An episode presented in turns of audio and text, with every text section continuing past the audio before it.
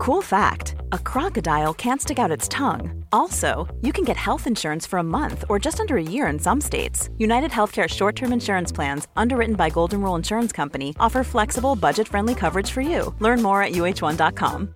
Hey, I'm Ryan Reynolds. At Mint Mobile, we like to do the opposite of what Big Wireless does. They charge you a lot, we charge you a little. So naturally, when they announced they'd be raising their prices due to inflation, we decided to deflate our prices due to not hating you. That's right. We're cutting the price of Mint Unlimited from $30 a month to just $15 a month. Give it a try at mintmobile.com slash switch. $45 upfront for three months plus taxes and fees. Promo rate for new customers for limited time. Unlimited more than 40 gigabytes per month. Slows. Full terms at mintmobile.com. Du vet at jeg alltid får så kjeft fordi jeg ikke skyller ting før det skal inn i oppvaskmaskinen? Ja. Ja. Nå har jeg fått uh, ei lita melding på Instagram fra en som har jobba i Electrolux. Nei! Jo! For hun så jeg lagde ut en, eh, la ut en story på det, ikke sant? at du syns at jeg er så dårlig til å skylle og sånn. Jeg har jobba i Electrolux, og det første jeg lærte der, var at man ikke trenger å skylle fordi oppvaskmaskinen er laget for å takle uskyllet oppvask helt fint. Den eneste grunnen for å skylle er om du ikke tar oppvasken hver dag, eller til og med annenhver dag. Derfor kan du med god samvittighet sette uskyllet glass i vaskemaskinen. Oppvaskmaskinen. Jeg bare tenkte jeg hadde lyst til å si det før vi setter Det er ikke glass jeg snakker om. Ja, eh, det, var ikke glass, det sto ikke glass, men jeg, jeg øh, Det gjorde ikke det! Det gjorde ikke det. Jeg la det til. Sto det også i vaskemaskinen? Nei. Legge oppvask uskyllet i oppvaskmaskinen. Jeg, for meg handler det ikke om oppvaskmaskinen tåler det. Det handler om at jeg tar ting som er skittent ut av oppvaskmaskinen. Da må du kjøpe deg ny oppvaskmaskin. For det er åpenbart. Jeg har snakket jeg med ny- ekspertpanelet i Electrolux. Det er lettere å få en ny kone. Lykke til.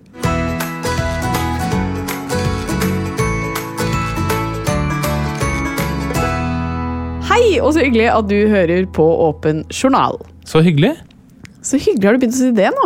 Ja. Den er grei. Det var hyggelig at du syns det er hyggelig at jeg hører på. Ja, men du er jo ikke bare Du er jo ikke en lytter, du er jo en uh, prater. Men også en lytter. Ja. Men først og fremst et menneske. Og en venn. Noe mer? Nei. I dag så skal det handle om mer enn deg, Haraldsen. Det skal faktisk handle litt mer om meg. Oi. Ja, for eh, i dag skal det nesten bli litt personlig her i eh, Åpen journal. Fordi det skal handle om en uh, sykdom som jeg fikk diagnostisert i 2013. Født uten hjerne?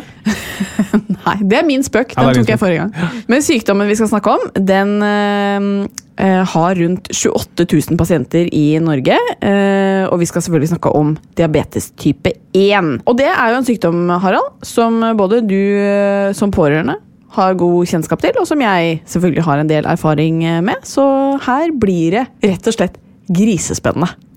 Oink, oink. Alltid vanskelig å si at sin egen sykdom er veldig spennende. Ja, men Det er veldig interessant. Det er en interessant det er, sykdom. Det er, mye som ikke, det er mye misforståelser der ute som vi skal få klarna opp i i dag. Ja. Og det som kanskje gjør det litt ekstra tøft å snakke om, eller litt vanskelig for deg med sykdommen, er at dette er en sykdom som handler mye om sukker, og så har du en mann som er så fryktelig søt. Nei, det er ikke greit, faktisk. Tror du ikke det gjør det vanskeligere? At blodsukkeret blir veldig Jeg tror det går veldig greit. Og så får vi besøk av eh, en eh, fyr som du og jeg syns er veldig morsom, nemlig Bernt Hulsker. Bernt! Bernt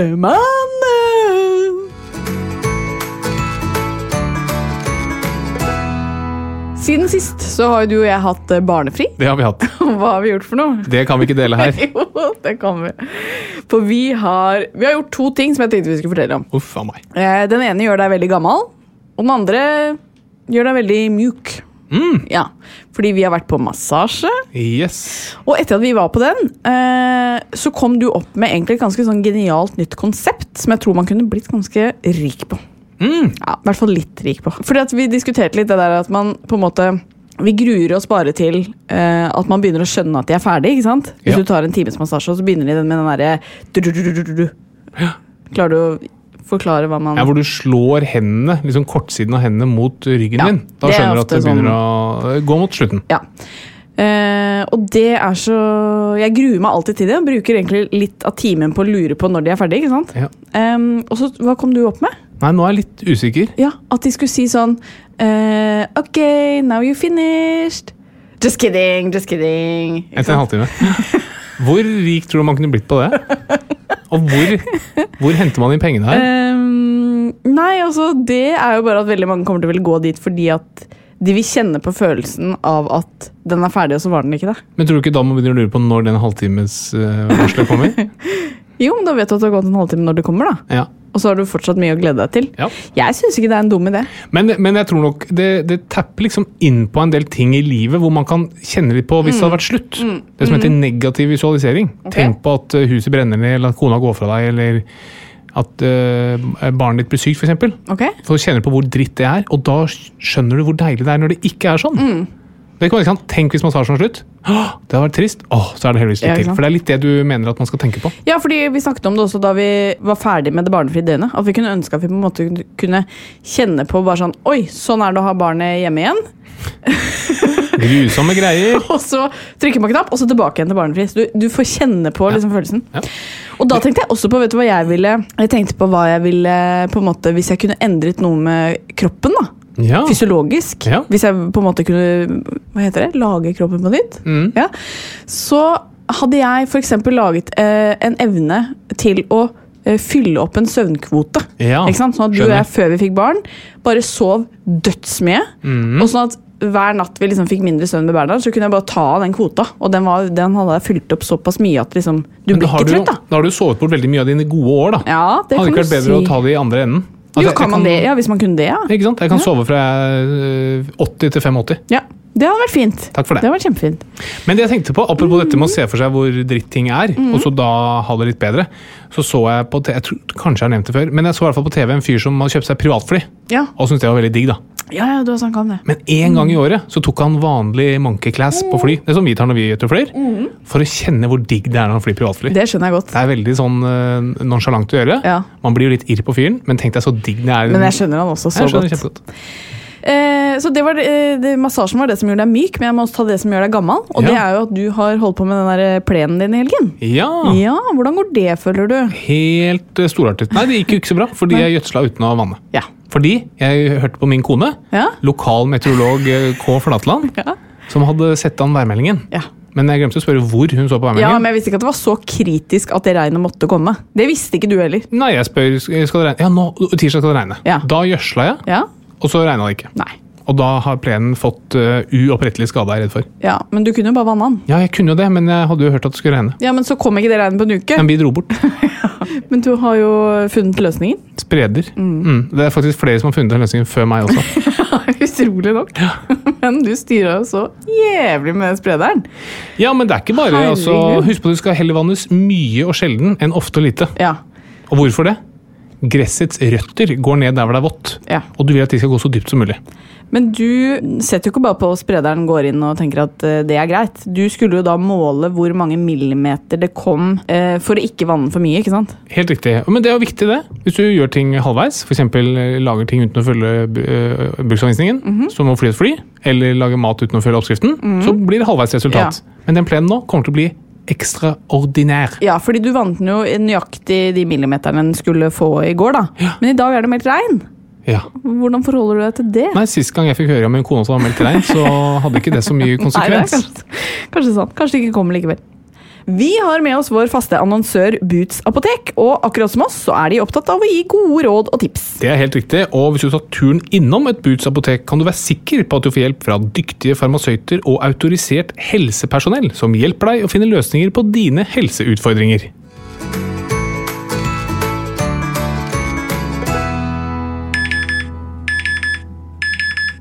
Hva er det for noe? Det er din blodsukkeralarm. Ja, Den er ganske jævlig yep. å våkne til om natta. det er riktig. Og det ville jeg at folk uforberedt skulle få inn i sine ører nå, for å skjønne hvor slitsomt det er med den grusomme lyden. Ja. For i dag så skal det handle om um, diabetes. Det er en eh, sykdom som uh, rundt 28 000 pasienter har i Norge, og inkludert meg. ja, da må, tror jeg du må spesifisere litt. Grann. Diabetes type 1. Det er riktig. Fordi diabetes type 2, det tror jeg rundt nærmere 200 000 pasienter har. Ja. Eh, men, Enda mer, enda ja, enda mer. Men her i dag så skal det i eh, det store og det hele handle om type 1, da. ja. Men du skal jo prøve å forklare litt om eh, de ulike variantene her, og så skal jeg prøve å dele litt av mine erfaringer. Ja. Men du kan jo bare hoppe i det. Kan ikke du forklare litt hva diabetes type 1 er for noe? Jo, det kan jeg. Fordi cellene i kroppen de trenger jo næring for å overleve. Og det meste av denne næringen det kommer i form av sukker. Og dette sukkeret det fraktes jo rundt til cellene via blodet, og derfor snakker vi om blodsukker. Altså mengden sukker du har i blodet. Og det er veldig viktig at dette nivået av blodsukker er akkurat passe. Fordi hvis det blir for lite, altså hvis blodsukkeret blir for lavt, da får jo ikke cellene nok næring, og da dør de. Men hvis blodsukkeret er for høyt, så tetter det faktisk eh, blodårene våre, og det kan ødelegge organene våre. Så Derfor er det veldig viktig at dette nivået av blodsukker er sånn passe høyt. Og For å regulere dette blodsukkeret så har kroppen et hormon som heter insulin. Og Insulin det er et signal som forteller cellene våre om å ta sukker inn fra blodet. Så når kroppen skiller ut insulin, så tar alle cellene opp sukker fra blodet. Da får cellene næring, eh, og så holdes blodsukkeret stabilt. Ved diabetes type 1 så dreper kroppen sine egne celler som skiller ut insulin. Og Da får man jo ikke noe insulin, og det betyr at blodsukkeret bare blir høyere og høyere, samtidig som at cellene ikke får tatt opp noe næring. Så det å få diabetes type 1 er ekstremt farlig, men heldigvis veldig enkelt å behandle. Du trenger bare å tilføre insulin. Og det er da type 1. Kan du kort fortelle hva type 2 er for noe? Ja, så Diabetes type 2 det handler mer om at cellene i kroppen ikke reagerer på insulinet som skilles ut. Så disse pasientene har celler som produserer insulin, selv om det også kan være litt for lite eh, insulin som de cellene skiller ut. Men det dreier seg da også om at cellene ikke reagerer på insulinet som kommer ut. Og diabetes type 2 så jeg sa at I diabetes type 1 der er det kroppen som går til angrep på cellene som lager insulin, så det er en autoimmun tilstand. Diabetes type 2 det er en livsstilssykdom, og det er det overvekt som er den viktigste faktoren. Og det er masse gener i spill her, så mange ting som er utenfor vår kontroll, men de aller fleste kan bli kvitt sin diabetes type 2 ved å endre kosthold og livsstil. Så diabetes 1 og diabetes type 2 er veldig forskjellige sykdommer, og det må ikke blandes. Og det er veldig irriterende for folk med diabetes og når folk blander det. Og jeg hørte f.eks. nylig en som sa at du, jeg har hørt om et visst type kosthold som kan kurere diabetes. Det burde jo Katarina forsøke. Da har du misforstått helt. For da blander du diabetes type 2, som kan endres ved livsstil, med diabetes type 1, som ikke kan kureres ved, ved livsstil. For de behandles jo også på forskjellig måte, og type 1 da må du jo tilføre insulin eh, enten ved en pumpe eller med en eh, sprøyte. Og eh, jeg kjenner meg veldig igjen i det du sier, at eh, folk kan være litt sånn i villrede når det kommer til forskjellen på type 1 og type 2. da. Fordi jeg har jo veldig ofte fått høre at har du diabetes, du som spiser så sunt, eller du som trener? Og det er jo ganske provoserende å høre, da. Selv om jeg vet at folk ikke mener det vondt, så er det jo Du blir litt, kan bli litt irritert fordi at det er en kronisk sykdom som du på en måte ikke er skyld i selv. Ja, nå skal jeg si at Det er ikke alle med diabetes type 2 som har skyld i det selv. Absolutt sant? ikke. Sånn, ikke for å blande, Men det viser at man har misforstått lite grann. Ja. Og det er litt synd at begge sykdommene heter diabetes, fordi Mm. de er såpass øh, forskjellige. Ja. Um, du har jo snakket litt om hormonet insulin, og kan du ikke bare spesifisere litt mer hva det er hormonet gjør for noe? Altså det Hormonet har jo i praksis to funksjoner. Da. Det ene er at øh, cellene får næring, altså du får tatt sukkeret inn fra blodet inn i cellene, så cellene kan spise sukkeret. Og det andre er jo det at når cellene tar inn sukker, så synker blodsukkernivået. Så den mengden sukker du har i blodet, skal hele tiden være ganske konstant. da. Og det er insulinens jobb. Men vi skal jo eh, som sagt hovedsakelig eh, holde oss til diabetes type 1 her, da. Og hva er det som er symptomer på denne sykdommen? Så det som skjer igjen er at insulinet blir borte. Og da får du veldig høyt eh, blodsukker, for det er ikke noe insulin som forteller cellene at de skal ta blodsukkeret vekk fra blodet. Og når du får veldig høyt blodsukker, så lekker en del av dette sukkeret ut i urinen. Og når du lekker sukker ut i urinen, så trekker det med seg masse væske.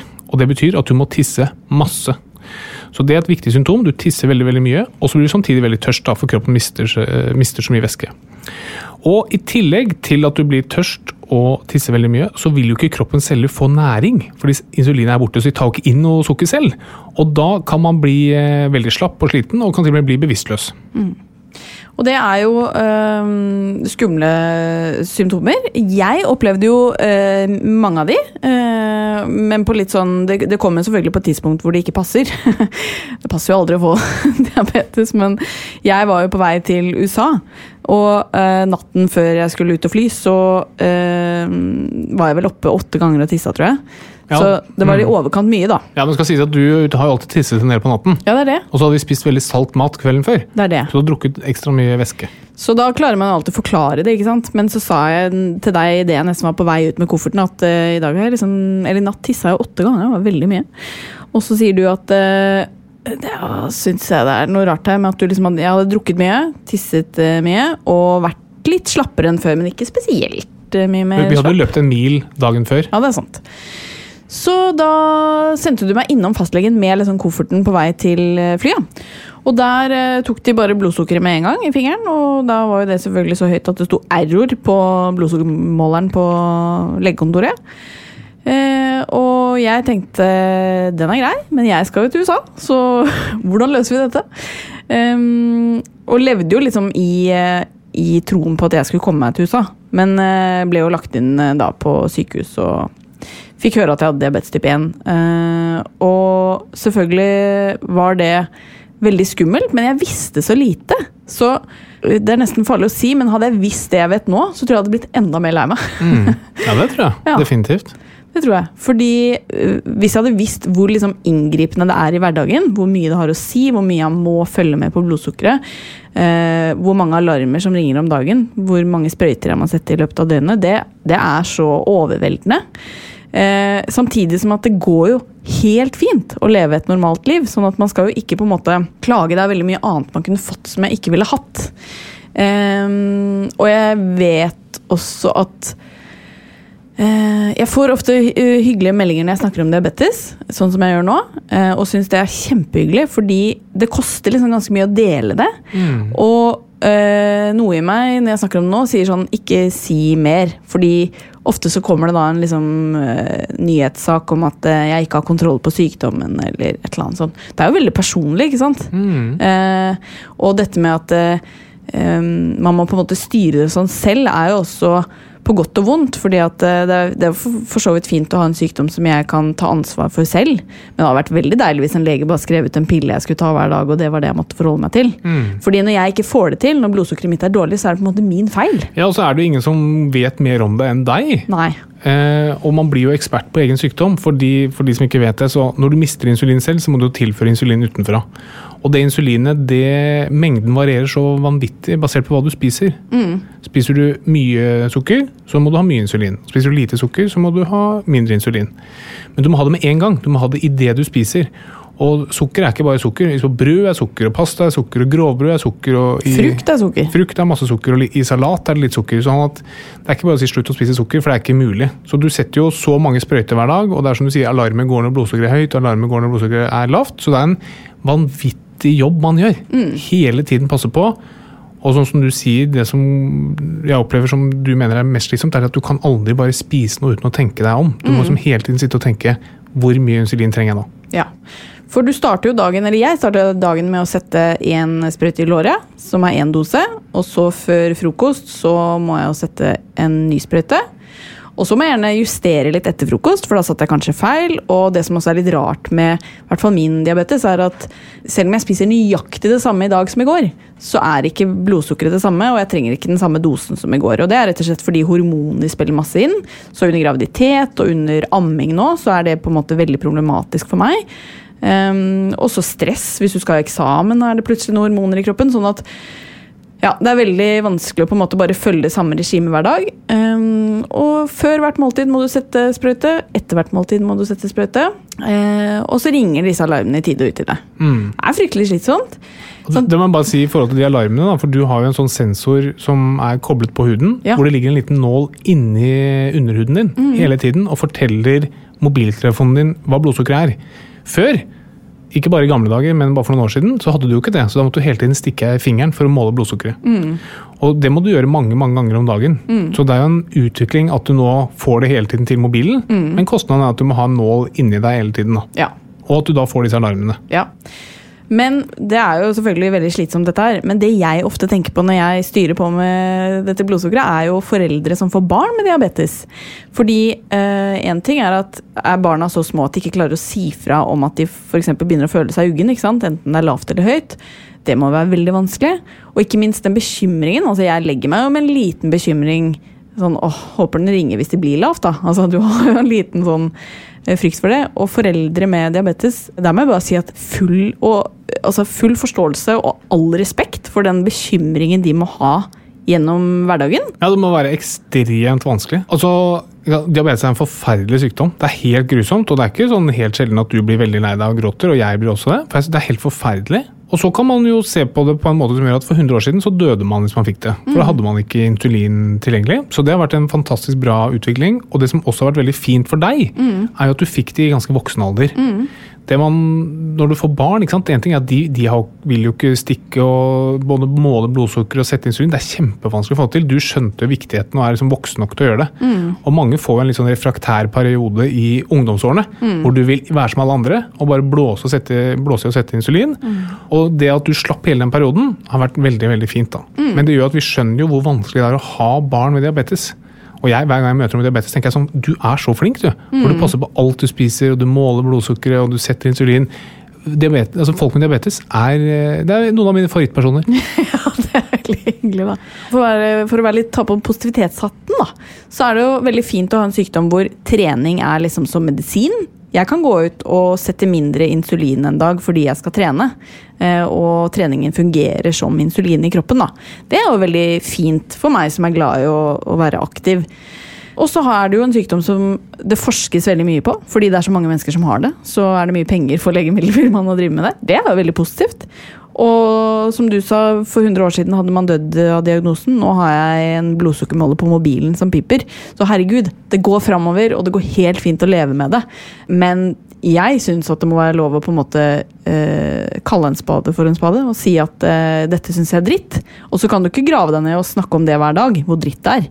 Det kan jeg ikke. Men innimellom så skal jeg få lov til å gråte, klage, være sinna og bitter. Og så er jeg ferdig med det, og så setter jeg sprøyta og måler blodsukkeret, og så er vi i gang igjen. Ja, jeg tror det er veldig viktig å si det sånn det er. Altså, det er jo det er forferdelig dritt, og det er, liksom, det er slitsomt hele tiden. 24 timer i døgnet. Man får liksom aldri fri fra det. Og det er megadritt. Så kan man selvfølgelig snu på det og se på det positive i det. Og det gjør man jo fra dag til dag. Jeg tror ikke man skal eh, Man skal ikke bli så blind i positiviteten at man bare skal snakke om de positive sidene ved det. Nei.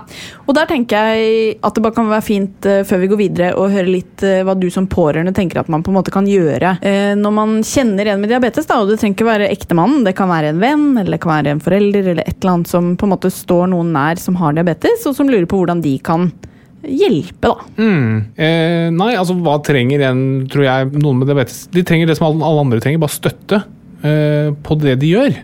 Og man må huske på at man er alltid ekspert på det. Altså, en som har diabetes er ekspert på egen sykdom. Det fins ingen andre som kjenner den bedre, for det fins ikke noen sånne universalregler for hva du skal og ikke skal gjøre. Og så tror jeg man bare har respekt for hvor dritt det er. Så og så nysgjerrighet syns jeg er fint. da, og det, det kan godt være mange som er redd for å spørre. Det syns jeg ikke man skal være.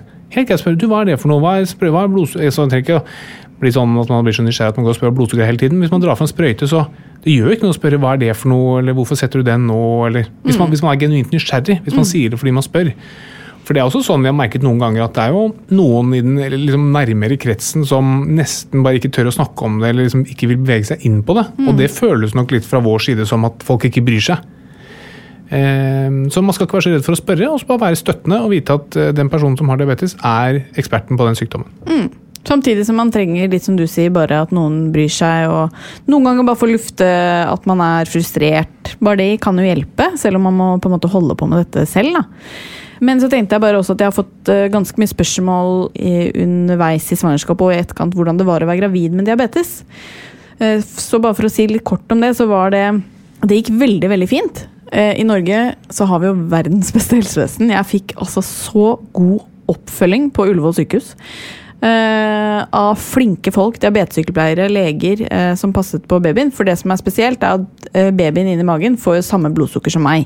Så hver gang jeg ikke var, kall det flink, da, med blodsukkeret, enten det var for høyt eller for lavt, så um, gikk det utover Bernhard. Og det visste jeg jo. Så det gjorde at uh, de ni månedene så var mitt hovedfokus egentlig bare å holde det blodsukkeret stabilt. Kanskje man skal si at du ikke, hadde, ikke har kontroll. altså ikke at du ikke bruker ordet flink, for da hviler veldig mye på deg. Men Ja, eh, det det er ikke sant. alltid lett å ha kontroll. Helt riktig. Så til dere som vil bli gravide eller er gravide, eh, for min del eh, gikk det veldig fint, selv om det krevde veldig mye. Det var veldig mye frustrasjon, fordi der er det snakk om hormoner som virker inn på blodsukkeret. Så gikk det fint, men det krevde en ekstra innsats. Eh, Det var mye alarmer på nattestid for å prøve å justere det og holde seg innafor der man skal ligge. Ja, da, altså, og bare for kjapt forklare, altså grunnen, Vi var veldig nervøse før svangerskapet for hvordan det skulle gå, og det gikk kjempebra. Så hvis du ikke, ikke la det stå i veien for å bli gravid. Og så er det jo sånn at, som du sier, det, alt det insulinet altså Hvis du går med veldig høyt blodsukker, så har barnet i magen har sin egen insulinproduksjon. Så det betyr at hvis du får et veldig høyt blodsukker, så kommer det inn i blodet til barnet, og så begynner barnet å skille ut eget insulin, og da tar det opp veldig veldig mye næring. Og det betyr at disse barna kan ofte bli store. Så det er- det man er redd for, at du får veldig veldig store barn. Og så vil jeg også si at en del får jo diabetes under svangerskapet. Det er diabetes type 2. Eller svangerskapsdiabetes. Det er, det er ikke det samme som diabetes type 1. Så vet man det. Det er bare én ting jeg tenker vi må ta, og det er forskjellen på eh, høyt og lavt blodsukker. For der er det litt sånn forvirring om man skal gi insulin eller gi sukker. Kan ikke du bare liksom forklare det, for det kan jo være livreddende behandling, da. Du, du skal aldri gi en, en eh, med person med diabetes insulin. Bare glem det. Du skal aldri ha insulin. Ferdig. Det du skal gi hvis de er bevisstløse, det er sukker. Det er egentlig det. Ja. Fordi helsepersonell og sånn på sykehus de kan forholde seg til at man noen ganger skal gi insulin, men finner du liksom en eh, person med diabetes da enten litt sånn forvirra eller, eh, eller eh, bevisstløs, gi sukker. Ja, ring 113, gi noe sukker. Og vi kan jo snakke kjapt om det. da. Altså, lavt blodsukker, da får man jo det som heter føling. Og Du kan fortelle litt hva det er for noe? Ja, da får du jo eh, egentlig symptomer som er hjertebank, og at du svetter, og du føler deg veldig skjelven, sulten. Det er sånn, det er jo som når dere andre får lavt blodsukker, bare jeg liker å si at det er ganger ti, da. Ja, og det er, det er mange som ikke er det vet, som ikke får ordentlig lavt blodsukker. Ja, så det er, det er kroppens stressreaksjon på at den, cellene holder på å dø ikke sant? fordi du har lavt blodsukker. og Da må de ha sukker. Høyt blodsukker det er ikke alle som har symptomer på det, og det er heller ikke farlig på kort tid. altså på kort sikt. Over lang tid så er det veldig farlig, men det trenger man aldri bekymre seg for som en pårørende, med mindre det går, står over lang tid.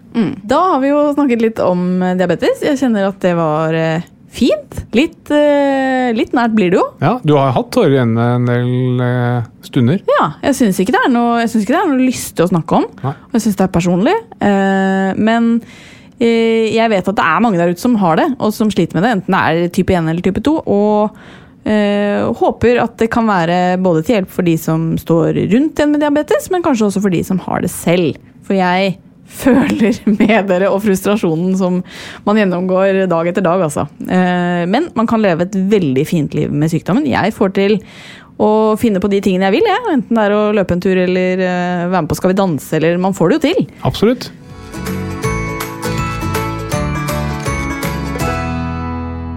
Vi har et lyttespørsmål eh, denne uka, og det er et eh, ganske så interessant et. Fordi um, det er en som spør i forhold til litt sånn regler for gjenopplivning. Ja. Og det går på at uh, hvis du finner en person som er bevisstløs, og du liksom eh, knepper opp skjorta for å gi eh, hjerte-lungeredning Du trenger jo egentlig ikke kneppe opp skjorta for det, men kanskje du vil sjekke at ikke det er noe på kroppen, eller et eller annet som Ja. Og det står da tatovert på brystkassa 'Jeg vil ikke gjenopplives'. Hva gjør du da? Nei, da skal du egentlig avstå fra det. Du skal ikke, altså Folk har rett til å motsette seg det. Ja. Men det er, det er klart at uh, det er en litt spesiell situasjon. da. Noen Veldig. som har tatovert Men finnes det situasjoner hvor du likevel skal gjenopplive? Hvis du skjønner? ja, altså kan, hvis, hvis det er en ungdom da, som har øh, gjort et eller annet, eller tatt noe overdose piller, eller noe sånt, og så skrevet et brev hvor det så ikke gjenopplever meg, da må du på en måte anta at det er i pasientens hensikt å gjenopplive han eller hun. At dette er skrevet i en sykdom eller noe sånt. Så da skal du ikke bry deg om det. Men, men hvis du hvis man er i en situasjon hvor man har for eksempel kanskje forventet kort levetid, eller at man har stått i kronisk sykdom lenge, da har man, da har man til fulle rett til å si at du, hvis, jeg nå, hvis hjertet mitt stopper, så vil jeg få lov til å dø, jeg vil ikke gjenopplives. Dette er jo mye mer aktuelt på sykehus eller sykehjem, eller sånt, og det er helt fint. Det er det man kaller HLR minus, eller altså skal ikke gjenopplives. da. Så det har man lov til å styre over det. Interessant.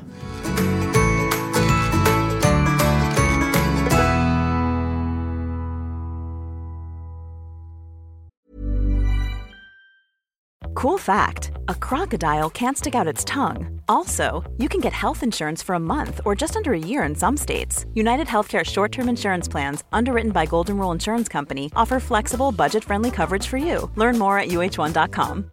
Hey, I'm Ryan Reynolds. Recently, I asked Mint Mobile's legal team if big wireless companies are allowed to raise prices due to inflation. They said yes. And then when I asked if raising prices technically violates those onerous two year contracts, they said, What the f are you talking about, you insane Hollywood ass?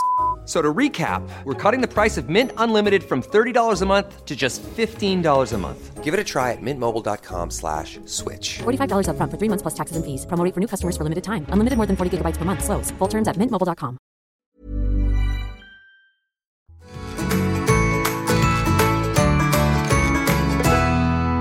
Da har vi fått besøk av en vi ler, vi ler mye av han om dagen, Haraldsen. Enten det er i Ikke lov å le på hytta, eller i Kompani Lauritzen. Bernt Hulske, velkommen. Tusen hjertelig takk. Hvordan går det med deg? Jo, jeg må si det går greit. Eh, Jeg har en viss anelse om hvorfor jeg er her.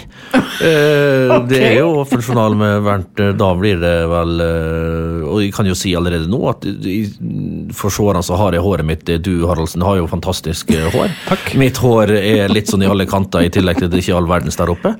Og så kommer jeg i T-skjorte og en joggebukse. Ja, for jeg så du hadde pynta deg litt. eh, Nei, jeg hadde ikke det, for jeg, jeg hadde ikke det i dag. Eh, og De klager på meg på jobb òg, Ja. jeg kan dukke opp sånn på jobb òg. Eh, jeg har en anelse at vi skal innom eh, mine søvnproblemer. Og, i- og i dag var det rett og slett sånn at leverte Kid i barnehage, og jeg skulle ta med en liten strekk. Ja, Den ble to og en halv time. med to og en halv time. Den ble det.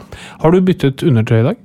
Ja, det har jeg. Ja, det har du! Det har jeg faktisk. Ah, ja, fordi du kan, altså, du, du, jeg har ikke noe sånn problem med å, å For jeg har vært i en garderobe med 22 mannfolk. Du skal få kjenne på den, for du kjenner på om bokseren Om den er ny, ja? Ja, om den er ny eller Trenger lukt? Altså, kjenner lukta? Nei, ikke lukta, men om du kan, om du kjenne på den. Ja, nei, men jeg tar det. Ja, du tar- tar bordet, ja. mm. For, eh, jo, men sånne ting, der er vi, og jeg, og jeg dusjer egentlig to ganger om dagen. Jeg, jeg, jeg gjør det. Ja. Både kvelds øh, og på morgenen. Nei, men det er jo ærlig ikke sant? Det er jo podkast, og du hadde jo egentlig ikke trengt å eh, fortelle til folk hvor bustete du er på håret. Nei. at du sitter her i joggedress. Men Nei, du er men ærlig. jeg, jeg liker å billedgjøre, liksom, og, og se hvordan vi ser ut, og kanskje litt sånn Jeg sitter i studio her, er vel Nei da, skal ikke begynne Det får holde nå. Det får holde nå. Har du Men- bytta truse i dag? Jeg bytta truse i dag. Har du? Absolutt. Ja. Jeg har en hullete bokser. Se her. Ja, har du det, Bernt? Så der, ja, men jeg har begynt nå Den der er så nice! Det er litt godt òg, vet du. og så, så blir det, det blir sånn som du blir sittende og ta litt på. Ja, du har jo ingenting, da, men de har jo sånne skikkelige valker her, og det er så godt å bare stryke litt på, for der har du, ikke har du hår, og så er det mjuk hud. Og, Men det hullet der, bare sånn at folk skjønner det, det er på siden av bokseren. Men Harald har også de der som er under. Har du de også? hva- altså, det der, ja, helt bak. Altså, Ja. litt sånn ja, det, det er der med på siden, altså i linninga liksom på bokseren. Ja, men der òg, men det der som er mellom, liksom, i skrukken, da. Ja. Å ja, da, og massevis. Hvorfor det? Hvor kommer det fra? Jeg veit ikke. Ja, men altså, vi strekker oss da og bøyer oss litt, og så, ja, så, så holder vi jo så bokserne veldig lenge. Jeg kan jo fort ha en bokser i altså, det er jo Av og til så må jeg Fy fader, nå er det kanskje på Nå er det kanskje greit å bytte den her. Den, her, den er så utslitt. Ja, ja. Jernvaska. Ja. Ja, for du vasker de innimellom òg. Ja da, men, men på vask så er det Det var min tante Henny fra Holland som eh, sa at du trenger ikke å vaske på mer enn 40. Så, uansett hva det er, for det er, ditt, eh, det er dine bakterier, ditt og datt og sånt der. Men, men, men øh, også øh, jeans og, og, og gensere og, og skjorte, så lenge det ikke er flekker på. Det, på kort, det, korte sånne, Jeansene mine korte sånn 15 minutts program på 30 grader. Jo, men altså, jeans kan det gå mange uker før jeg vasker. Mm, Ja, ja, ja, det er jo Ja, ja, etter, det det er jo etter en måned at de har vært i bruk. Da er det 30, da er det 30 grader i 15 minutter. Ja. Men altså, her får vi mye informasjon om mye forskjellig, kjenner jeg. Også vasketips. Ja, det er bare hyggelig. Og det er veldig fint. Og du, hvis, da, hvis du har flere tips, bare kom med det. Men det som er interessant, er jo årsaken til at du kommer her og har bustete hår og er trøtt, liksom. Og litt, er du litt tett i nesa? Ja, det, jeg har allergi i tillegg. Ja, allergi, Allergi ja. Ja, ja, jeg har liksom, Veldig allergi. Ja. Men det er jo eh, veldig mye pollen nå. Eh, Tresæd ute der eh, rundt forbi. Og det syns de er helt grusomt, altså. nå. Så, men, eh, men sånn er det. men av, av all sæd, det skal mye i lufta. Ja, ja, Så er jo det, tresæd en av de bedre variantene. ja, det, det er det sant. Det kunne vært verre. Ja, det det, kunne kunne vært verre, og at de reagerer litt. For det, det, det får stå sin prøve når det kunne vært andre typer sæd som har vært i lufta. Men er det Er det uh, Det er ikke allergien du blir så trett av? Altså, du sover dårlig om natta? Litt det i Å, ja. tillegg. Eh, Ja, det er bra vi fikk adressert den der uh, Jo, jo, men også, også har jeg ikke begynt på Og så er jeg litt usikker nå Jeg har ikke begynt å tatt medisiner Jeg er sent ute allerede Ja, det er nå. Aeriusen Hørte det var i hvert fall Hva var det den, hva farsken hette så andre da Men altså, det skal ikke så langt tilbake i tid Du ble supertrøtt av de fleste Mm. øh, tablettene du tok Men nå har jeg jo hørt det at Men jeg stoler ikke helt på det Så jeg vil finne ut hva jeg skal ta Og hjelp meg gjerne med det Jeg må ha noen tabletter nå eh, Som ikke gjør meg mer trøtt enn det jeg allerede er Og så er det jo litt at du blir jo segen eh, Selvfølgelig når du hele tiden er Fjeset ditt blir dratt ned Og, og at du i tillegg ikke sover all verdens da Nei, men Du må bare komme i gang med behandling. da, Det er det viktigste. Ja, men, men disse Jeg tenkte på så er det sprøyten opp i skinka Så er det Men det har vi slutta med. Men eh, kortisontabletter istedenfor, det tenker jeg du burde begynne med. Og det er det samme som er i sprøyten. Det er bare at det er mye lettere å dosere og justere eh, tablettene enn sprøyten. Ja, riktig Men nå som han sier at han ikke har begynt enda og er såpass dårlig Ja, for det tar vel litt tid kanskje før det Ja, men bare starta hvis du har brukt Aerus før, og så trenger du sikkert en eh, nesespray, for den hjelper både på nese og øyne. Og så ville jeg tatt i hvert fall en uke med, med sånn kortisontabletter. Ja. Ja. Da, da får vi deg helt i vater ganske fort. Ja, øh, men det som hovedsakelig gjør at de er trøtt øh, hver dag, og som vi må få bukt med, har vært øh, Og det her ble jo egentlig ikke Jeg lot det bare skure og gå alt altfor lenge. Jeg har sikkert hatt det ja, 15 år, kan jeg tenke meg, ja, i hvert fall. Eh, tung, tung eh, Altså snorka veldig. Og så har det utvikla seg til at de stoppa å puste. Og nå har de fått sjekka det ut. Fått, eh, vært nede på en sånn eh, faktisk sånn tannklinikk nede på Aker Brygge. Oral dentist, eller hva det heter nedi der. Eh, jeg vet ikke hva det heter, men noe, noe oralt. i hvert fall. Det kunne vært. Kunne Oral vært dentist. Ja, Jeg tror ikke jeg er så langt unna. Eh, og, og da fikk jeg et sånt instrument på meg over, eh, over eh, brystkassa. En sånn der eh, som du har på fingeren, eh, som teller eh, puls, ja. Og, En i stumpen. Og en i stumpen, ja. Bare sånn 30-35 cm opp der. Og så er det to sånne der greier oppi nesen. Og så skulle du sove, eller? Og så skulle jeg sove, og så Ja. må du sove på ryggen med det. Jeg fikk jo til å sove med det til slutt. eh, og da telte de at jeg stoppa og puste 18 ganger i timen. Oi, det er mye. Det er mye! mye. Ja, det er ganske mye, ja. Mm, Hvor lange var det hver gang? da? Husker du det? Eh, Det vet jeg søren om hun sa, rett og slett. Men jeg er henvist videre til eh, spesialist. For Ja. det her er bare en tannlege som, har sånn, som kan ta det, det første steget. Ja. Og så blir henvist eh, nede på Tøyen, så har de visst en klinikk der de tar det. Uh, hvis jeg skulle ta det offentlig, så hadde jeg har ikke fått time før i august. Mm. Så jeg må ta det privat for å komme i gang. Jeg orker ikke å vente. Jeg må få Ja, jo, skikk på det. I og med at du bare har hatt det i 15 år, så skjønner jeg at du vil gjerne liksom komme i gang litt. Ja, ja, ja, på, ja. Så, Kan ikke nei, vente med det. Nei, nei, men når jeg hatt, fikk vite det, så var det greit å komme i gang fort. da. Så, Ja, etter 15 år. Men hvordan merker du det selv, da? For du sover jo når du slutter å puste, holdt jeg på å si. Ja, som i natt, så det, Jeg tror nesten av og til at jeg våkner av meg sjøl. At jeg ikke får puste. Og at øh, kanskje snorking kan gjøre det. Og så har Ja. Og det gjør at de spretter opp. Så jeg har blitt mer bevisst på det. Mer prat om det nå når det var på kompani der. så var det mye prat om det. Det er rart med det, altså. Så mer du liksom får det sånn rett i trynet. For jeg var jo der oppe, og så sa jeg at jeg skulle mm, få skikk på det i løpet av høsten når jeg kom tilbake igjen. For vi var jo spilt inn i september i fjor. Men så har det drøyd. Og, men nå fikk jeg så mange henvendelser Ja. etter den eh, episoden der eh, folk så at det var her var det ikke bra. Og da sa jeg vet du hva, til meg sjøl at nå må jeg bare få gjort det. Eh, så da er jeg i gang. Det er bra. Men det er vel det at eh, kjeven går bak og stenger drøvelen, tror jeg, og pusher den opp. Jeg tror det var akkurat sånn hun forklarte hun eh, Ja, For det er jo søvnapné da, vi snakker om. ikke Ja, så Kan ikke du bare fortale, fortelle kort hva det er? Jo, for nei, men det er som du sier, Bernt. Altså, det er at man er litt sånn slapp i muskulaturen og litt sånn slapp i svelget, sånn at det klapper faktisk sammen. da. At luftveiene holdes ikke åpne om natten. Og det hører man i form av snorking. Snorking er at uh, litt å plystre. Du snevrer luftveien inn, og så får du en sånn at det blafrer rett og slett i svelget ditt. Ja. Så det er snorkingen, og noen ganger blir det helt tett, og da slutter man å puste. Og Da ligger man i mange sekunder og ikke puster, helt til man klarer liksom å åpne opp igjen, og da hender det at man våkner. For Ja. man våkner jo veldig gjerne om morgenen og ikke er uthvilt i det hele tatt, fordi man har ikke fått noe sånn ordentlig dyp søvn. Nei. Og det er nok eh, der jeg er, ja. Eh, og så har jeg blitt fortalt at jeg kan stoppe å puste. Det kan være opp mot 30 sekunder og sånn. Ja. Klart, og det er jo litt. Ja, da, og Ofte er det jo folk rundt som reagerer på det. Ja. Nå var det jo litt sånn som eh, på Ja. Kompani, og man kunne jo høre den snorkinga nesten helt eh, til Oslo. ja. Men eh, det er gjerne det at man sover på rommet med noen eller noen som sier at du, du slutter å puste om natten, eller du snorker så Ja. mye at det er eh, vanskelig å høre på. Ja. Men våkner du av det? Ja, jeg gjør det. det. Så Hvordan opplever du det, da? Fordi for Nei, andre men vil Du blir jo irritert, og så er man jo helt i ørska, og så står man litt opp, og så går man og legger seg igjen, så- får man jo sove ganske kjapt. Men det er jo irriterende hvis du liksom har en sånn intervall på to timer. Man blir jo sliten bare av det. Bare av å tenke tilbake på natta, så blir man jo sliten, egentlig. Selvfølgelig. Så og så nå har jeg jo Herregud, jeg har jo sovet nå en to og en halv Ja, hva det var jeg sa i stad? To og en halv time, ja. Jeg kjenner meg fremdeles ikke helt uthvilt. Nei. Nei, Men jeg tror du kommer til å få et nytt liv når du får litt sving på det der. altså. Ja. Må få på en sånn uh, pustemaskin på natta. Ja, for hva, bruker, hva behandler man det med?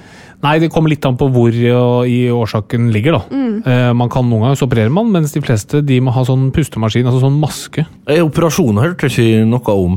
Nei, da har det ikke Nei, men, det, men altså, det kan jo være at eh, når de kommer til spesialisten, så vil de gjøre det. Hva de opererer da, eventuelt? Nei, altså Noen ganger du ser at det er Noen ganger så kan man jo ha utvekster, f.eks. Eh, bak i svelget der, oppe i nesa, som eh, er med å tette.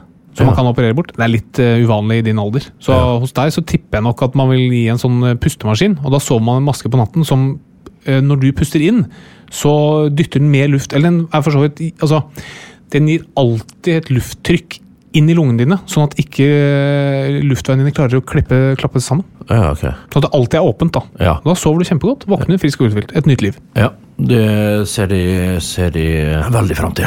Men det blir jo fantastisk å få orden på dette. Ja. Fordi, Hvordan er det du liksom føler at det påvirker deg gjennom dagen? At du har dette her? Det er jo i enden av dagen egentlig det, det er verst. Ja. Nå er det litt spesielt sånn, øh, med, med, med allergien og sånn, så kjenner jeg det litt ekstra.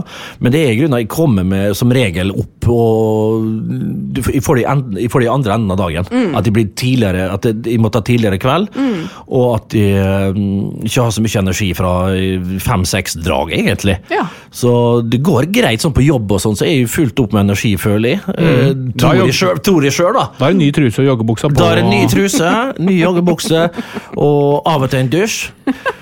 Men det var to ganger om dagen. Det, det er ikke kødd. Det er Nei, ikke vi tror på det. Ja, det, det bør du. uh, og, og, men det er liksom eh, sånn i fem-seks-sju-draget. Altså, det er liksom i enden av dagen jeg kjenner at å, fy faen, nå er det stopp. Nå er det topp. Og da blir det ofte at du ikke har energi på kvelden. da.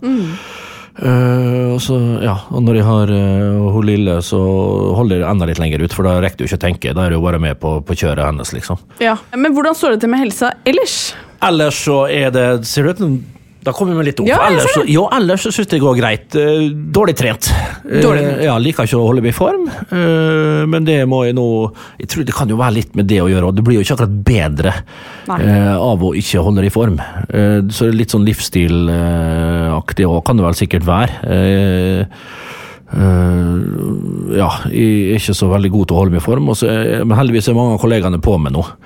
Og så skal jeg sakte, men sikkert eh, begynne med å aktivisere meg mer og mer. Eh, jeg tror det kan være veldig veldig greit. Jeg føler at en del liksom, toppidrettsutøvere har liksom i seg. De vil alltid holde seg i form. Ja. De er som, såpass vant til det. Men Ja. er du litt sånn refraktær? At når du, du har trent nok, føler du at nå kan du slappe av? Eh, Ja, det er jo en ting. Ja, men altså, det er mer det at Jeg likte jo ikke å trene når jeg spilte fotball heller.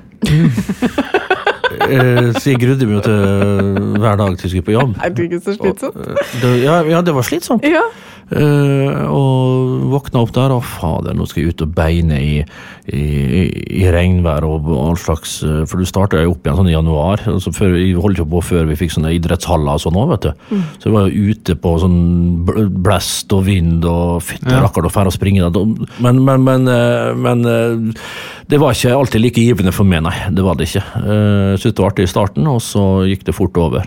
Men eh, det var, jo et, eh, det var jo en jobb, så jeg måtte jo komme meg gjennom det. Heldigvis hadde vi såpass med talent da, Ja. at vi klarte å flyte på det ganske lenge. Jeg tror mange kjenner seg igjen i at man bare finner ikke motivasjonen. Så hvordan skal du da nå, Bernt, klare, hvordan skal du klare å få et mer liksom, aktivt, sunt liv? da? Ja, øh, nei, Men er det noe mål, da? Ja, Du sier jo at du har Ja, fått eh, klager fra kollegaer. Ja, ikke sant. Er det et mål? Eh, Ja, vet, målet mitt er å, å begynne å få trent litt. Eh, blir litt sunnere der. Uh, og også kanskje Maten er jo som så, jeg spiser jo ikke så forbanna mye, da.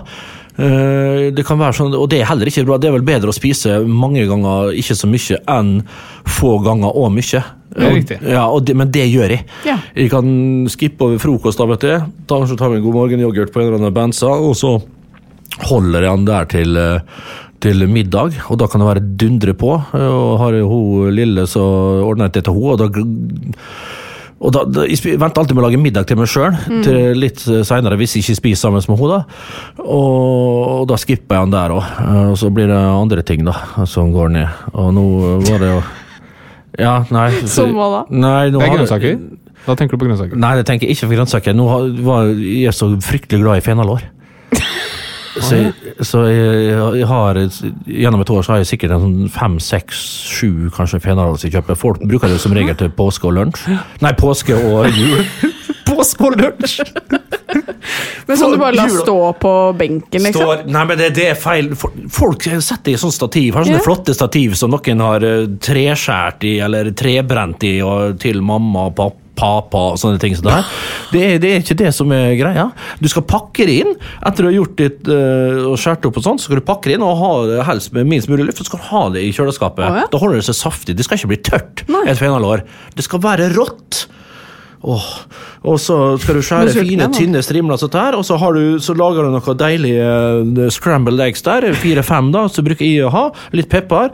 Eh, kan du ha. Du kan ha å, rømme og så eh, Og, eh, og flatbrød. og det er Enda Det er veldig godt. Ja, Ja, det er kjempegodt. Ja, det er fantastisk godt. Men, ja. Men det, som du spurte, det har jeg hatt litt for meget av eh, forrige. Så blir du så tørst, vet du. Men det er så godt hvis du har det der eh, fenalåret sånn i fem-halv seks-draget. Ja. Så går du hele kvelden egentlig bare og drikker Drikker. god saft og eh, så er det småtørst hele tida, så styrter ned på du- så må du opp og pisse da, en eh, 28 ganger på natta. der. I tillegg så legger du på det oppå nær at jeg våkner meg sjøl der, så har du en 15-16 ganger. Da er det ikke rart du er trøtt dagen derpå. Altså. Men jeg er veldig nysgjerrig på om eh, Bernt klarer, trøtt som han er, eh, å slå meg i eh, dagens quiz. Quiz! Det er, det er jeg god på. Ja, er det Ja, men, ja, det kan jeg si. Men det spørs jo, også, hvis det er litt sånn uhøytidelig i tillegg, da er ikke, det, det syns jeg er artig. Ja, det er er jeg kanskje ikke alltid like god. Men den er høytidelig, og den er medisinsk. Ja, Dessverre. All right. Da kjører vi quiz. Og med oss i dag har vi Bernt Hulsker, god dag. Hei. Også deg, studmed Katarina Flatland. Hei, hei sveis. Hei på deg, Sveis. Vi starter enkelt. Bernt Hulsker, hva betyr diabetes? Det betyr eh, altså, ordet, altså i ordets rette forstand Ja. I ordets rette forstand. ja. øh, p- p- p- p- øh, Sukker overkill. Ok, Sugar overkill. Ja, hva betyr diabetes? Er det noe med vann? Det betyr å renne igjennom. Altså det var det. urin. Det var det, det var. Mm. Så diabetes, egentlig, egentlig sykdom heter diabetes mellitus. Altså det som renner igjennom og er søtt. Altså søt urin, da. Neste spørsmål. Ikke poeng? Nei, selvfølgelig Nei, ikke. nei, Begge nei. to udugelige. Ja, Neste ja. spørsmål. Hvor mange i Norge heter Hulsk Bernster?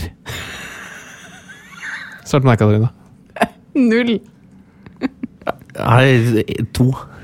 Nei, det var null. Jeg, jeg vet faktisk ikke, fordi du får navnestatistikk, så står det fire eller færre. Oh, ja, Så det er i hvert fall under fire, da. Det er under fire, ja. Ja. ja da, kan vi, da har vi begge rett. Da. Ja, begge, Ja. et poeng hver. Oh, ja, det er et poeng. Neste spørsmål. Neste spørsmål. Bernt. Ja. Kan diabetespasienter få transplantert en bukspyttkjertel så man får insulinproduksjon igjen? Nei. Ja. Ja, det kan man. Ja. Men man kan faktisk det. Ja. Men problemet er at du må jo da stå på veldig mye medisiner eh, som transplanterte gjør. ja. Sånn at det er for- for de fleste bedre å bare ta insulin istedenfor. Ja. Poeng til meg! Ja, to en til Katarina. Ja. Neste spørsmål eh, til deg, Bernt. ja. Hvilken tegneseriehelt har et navn som kan minne litt om ditt navn? Er det The Burnt? Er det The Dick? Er det The Hulk? Eller er det The Assface? Nei, det må øh, Har du flere alternativ? Nei. Så hvilken, hvilken alternativ går du for? Jeg går i for øh, The Assface. går For det er Hulk. Det er faktisk The Hulk Ja, som ja, er ja, ja, Det var ja. sånn pokker, da! Neste spørsmål. 3-1 til meg. Dette er også medisinsk, da, men eh, Bernt, du først. Hva bør en person med diabetes med stor risiko for høyt blodsukker ha på seg om sommeren? Lange sokker. Katarina? Vet ikke. Pass.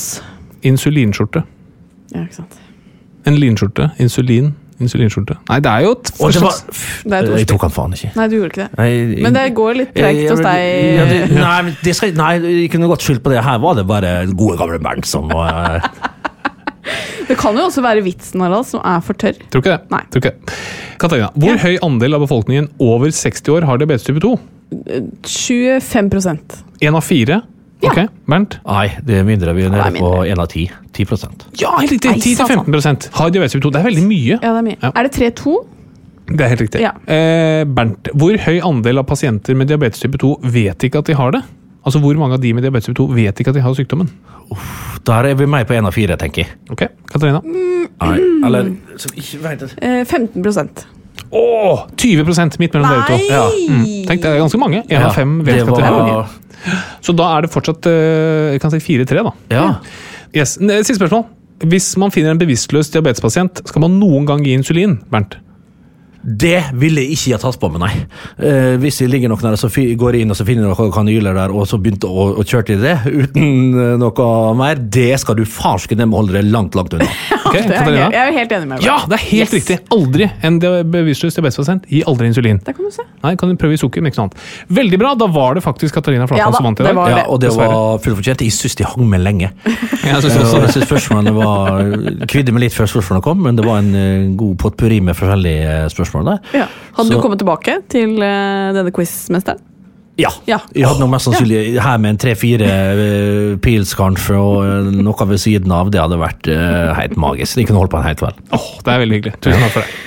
Det har vært veldig hyggelig å ha deg på besøk. Kanskje vi må eh, komme igjen da, når jeg føler meg bedre for. Jo, men så, vet kan du jeg det tror jeg. så kan jeg forklare meg hva jeg har gjort. Ja. Veldig gjerne. Så til høsten, da, når jeg er frisk og rask eh, Eller jo, altså, jeg fungerer godt. La oss, ikke, la oss avslutte med det, da. Og alle rundt meg har det meget, meget bra. Men det kan bli bedre, og når man kommer i den alderen jeg er i, så er, vel, er det overgangsalder. Det er det bare kvinnfolk som er i det. Nei, vi karer nå Det der er jo et litt sånn eh, betent spørsmål. Det skjer jo spørsmål. noe med dere menn nå. Ja, det gjør jo det. det gjør det. Eh, det gjør jo det. Eh, men i den, min alder, da, eh, så er jeg 44 i september, kan jeg jo si, til. Uh, da må man passe litt ekstra på, og det er jeg i gang med nå. Litt vel seint, men prøver da rett og slett å skjerpe meg før jeg skal inn i Kista. Hadde jeg tenkt å si livets siste fase, det er det forhåpentligvis ikke. Veldig tidlig. Ja. Uh, men det, det, det tar jeg deg på ordet på, så vi kommer til å spørre igjen og høre Mm. Ja. hvordan det går til høsten. Ja. Um, og så, før vi avslutter, så pleier vi alltid å få et sånt tips til vår sønn Bernhard for Ja. hvordan han skal bli en fin fyr. Nei, men alt det her kommer jo på hvordan dere veileder han og guider han da, i starten nå. Når, Hvor gammel er han? To? Ett? Nei, nei, han er åtte måneder. Ja, Han blir straks ett år. Det er rett og slett å, å la han få gjøre absolutt alt eh, han vil. Og, men jeg tror ikke det er noe fare. Jeg tror ikke jeg skal gi dere jeg, vet du jeg føler meg ikke bekvem rett og slett med å gi tips til dere. to. Jeg tror dere klarer dere mer enn godt Ja, men nok et Men det er mer når han blir litt eldre. Ja. Gi han en ball, uansett. Om det er Ja. noe å kaste med, noe å klype i. Ha, la han ha noe rundt foran seg hele tida. Sånn, eh, så skal du se at det, det går han godt. Ja. Ja. Tusen hjertelig takk for at du kom, Bernt. Eh, Vi er tilbake neste uke. Ha det! Ha det! Ha det godt! Plan B.